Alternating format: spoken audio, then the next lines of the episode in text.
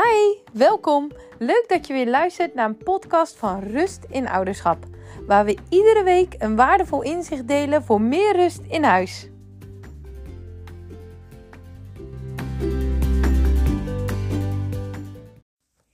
Welkom weer bij deze nieuwe podcast.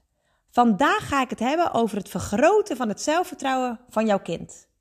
Want misschien heb jij wel een kind wat nieuwe situaties heel spannend vindt. Of achter jouw rug krijpt als er een onbekende tegen je kind praat. Of misschien verscheurt jouw kind wel tekeningen als het niet mooi is. Of is die angstig voor toetsen op school. Of durft niet te gaan logeren. En dit is best lastig. En hoe kun je hier nou het beste mee omgaan? Want je wilt graag dat je kind zich fijn en zelfverzekerd voelt. Maar je wilt ook niet pushen. En je wilt ook je kind de ruimte geven om zichzelf hierin te ontwikkelen. Want elk kind is tenslotte anders. En vandaag ga ik het hebben over hoe je dit zelfvertrouwen kunt vergroten. En ik richt me ook specifiek op het vergroten van het zelfvertrouwen van jouw kleuter, je peuter of jouw puber. Vaak denken we dat het zelfvertrouwen van je kind vergroot wordt door het aan te leren of door iets wat moet groeien. Maar eigenlijk steekt het net iets anders in elkaar. Want wist jij dat jouw baby namelijk geboren wordt vol met zelfvertrouwen? En dat juist de acties vanuit de omgeving ervoor zorgen dat dit zelfvertrouwen in de loop der jaren afneemt. En dit gebeurt bijvoorbeeld door wat je kind te horen krijgt. Elk kind krijgt regelmatig te horen, en het gebeurt echt niet altijd bewust, dat hij of zij iets niet goed doet. En dit geeft linkjes in het onderbewustzijn van de hersenen. je kind krijgt dan een linkje, ik doe het niet goed genoeg. En dit maakt dat het zelfvertrouwen van je kind afneemt. Terwijl je juist wilt dat het zelfvertrouwen van je kind wordt vergroot. En weet dat angsten en zelfvertrouwen veel met elkaar te maken hebben. En je kind leert er het meest van als hij of zij zelf leert omgaan met die onzekerheid en met die angsten. Want hoe makkelijker jouw kind leert omgaan met angsten, hoe meer zelfvertrouwen jouw kind zal krijgen. En ik wil je vandaag graag een aantal tips meegeven, zodat jij je kind kunt helpen met het vergroten van het zelfvertrouwen. En de eerste tip is: pauzeer. Er zullen genoeg situaties zijn waarbij jouw kind iets doet wat jij bijvoorbeeld niet goed vindt. Zoals de manier waarop je kind iets zegt, of uh, als je kind de jas op de grond gooit in plaats van ophangt. Of er zullen ook situaties zijn die jij zelf anders zou doen. Zoals de manier waarop jouw kleuter misschien zijn boterham smeert, of waarop jouw puber huiswerk maakt. Ook zal er regelmatig wel iets misgaan. Drinken wat je peuter omgooit, of je puber die zijn sleutel weer eens kwijt is.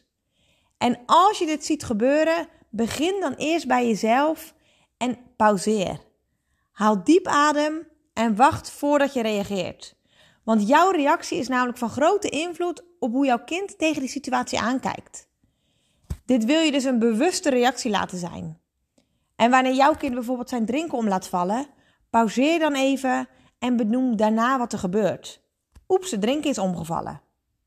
En door te pauzeren geef je jezelf de tijd om een keuze te maken in je reactie en om niet vanuit je triggers te reageren. En bovendien geef je je kind op die manier ook de ruimte om de situatie zelf aan te pakken of op te lossen. En wanneer dat niet gebeurt, zou je bijvoorbeeld kunnen vragen nadat je iets hebt benoemd hè, over dat drinken. Oeps, je drinken is omgevallen.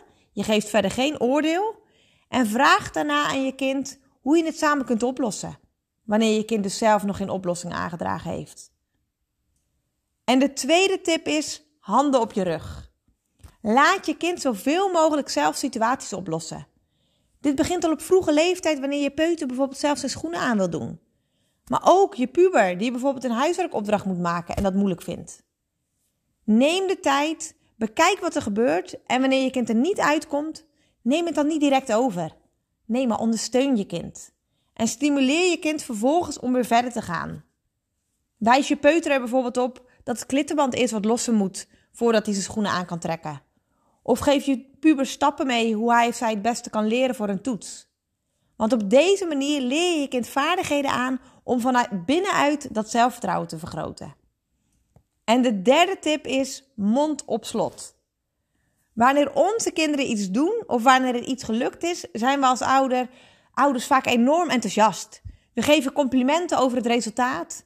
we zeggen bijvoorbeeld: Wat heb je een goed cijfer gehaald? Of wat knap dat je hebt gescoord. Want je bent trots. En natuurlijk is dat hartstikke fijn. En tegelijkertijd wordt jouw kind, wanneer je dit veel doet, afhankelijk van jouw complimenten en deze bevestiging op het gedrag. Probeer daarom net iets vaker een duim op te steken of de inzet te benoemen. In plaats van, hè, wat heb je een goed cijfer gehaald, dat je tegen je kind zegt, je hebt er super hard voor geleerd. Of je hebt goed je best gedaan. Of wanneer je kind goed heeft gevoetbald, geef geen complimenten over het scoren.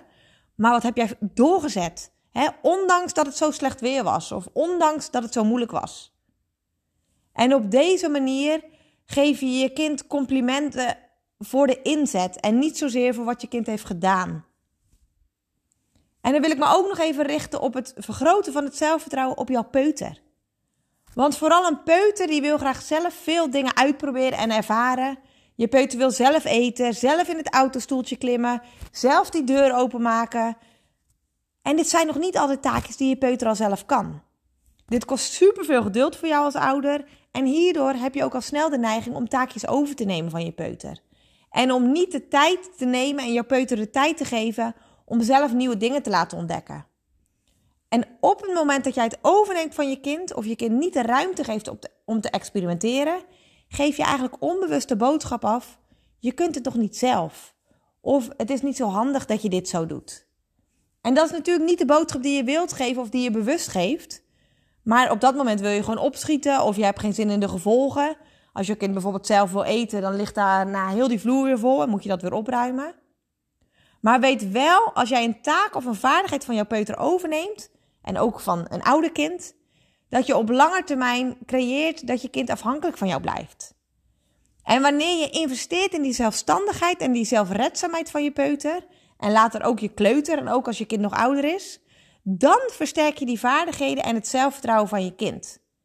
En met jouw ondersteuning en met jouw geduld zal je kind het op den duur ook echt steeds beter zelfstandig kunnen.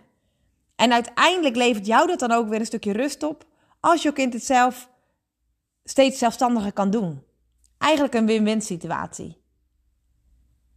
En dan wil ik ook nog even stilstaan bij de kleuter. hoe vergroot je nou het zelfvertrouwen van je kleuter? Want voor een kleuter gaat er een hele nieuwe wereld open door te starten op de basisschool. En dit kan ervoor zorgen dat jouw kleuter juist groeit in het zelfvertrouwen. Want jouw kleuter doet heel veel succeservaringen op en het wordt steeds meer zelfstandig. Maar het kan aan de andere kant ook ervoor zorgen dat jouw kleuter juist meer angstig en onzeker wordt. Omdat er nog veel nieuw is of veel moeilijk is en er heel veel op jouw kleuter afkomt. En weet ook dat het brein van jouw kleuter grote stappen maakt in taal. Je kleuter kan steeds meer dingen zeggen en onder woorden brengen, maar tegelijkertijd is jouw kind nog niet in staat om oorzaak-gevolg te kunnen zien. En hierdoor bestaat de valkuil dat jij je kleuter overvraagt. Want in woorden kan je kleuter het vaak al wel zeggen. En bijvoorbeeld zeggen dat hij of zij de volgende keer echt die tekening niet zal verscheuren. Of dat hij echt goed zal opruimen. Maar het uitvoeren of het gevolg van het eigen gedrag zien is nog te moeilijk. En dit kan maken dat zowel je kind als jij als ouder teleurgesteld wordt. Wat juist niet bijdraagt aan het vergroten van het zelfvertrouwen van je kleuter. Dus let erop dat je je kleuter niet overvraagt en dat je juist een beroep doet op die vaardigheden die je kleuter al kent of zou kunnen leren wat passend is bij de leeftijd van jouw kleuter. En dan maak ik ook nog even de sprong naar de puber. Want in de puberteit verandert er ontzettend veel. En dit heeft een grote impact op de emoties en op het gedrag van jouw puber. En het is voor jou als ouder een periode van loslaten en ook soms een periode van veel strijd en veel ruzie. Want jouw kind heeft ruimte nodig om te experimenteren, om zelf fouten te maken, om te ervaren en om te leren. En jouw puber is waarschijnlijk veel met zichzelf bezig en aan het ontdekken wie hij is of wie zij is of wie die wil zijn. En dit is de groei die nodig is naar zelfstandigheid en naar het opdoen van vaardigheden om dat zelfvertrouwen te vergroten. Als tip wil ik jou meegeven: leef je zoveel mogelijk in in die wereld van jouw puber en probeer niet te oordelen. Pas daarin ook je verwachtingen aan.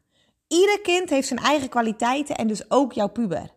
En richt je dus vooral op het positieve en steun je puber in zijn of haar keuzes. En wanneer je puber een fout maakt, heb dan vooral geduld. Je puber heeft ruimte nodig om te vallen, om te leren en om oplossingen te bedenken.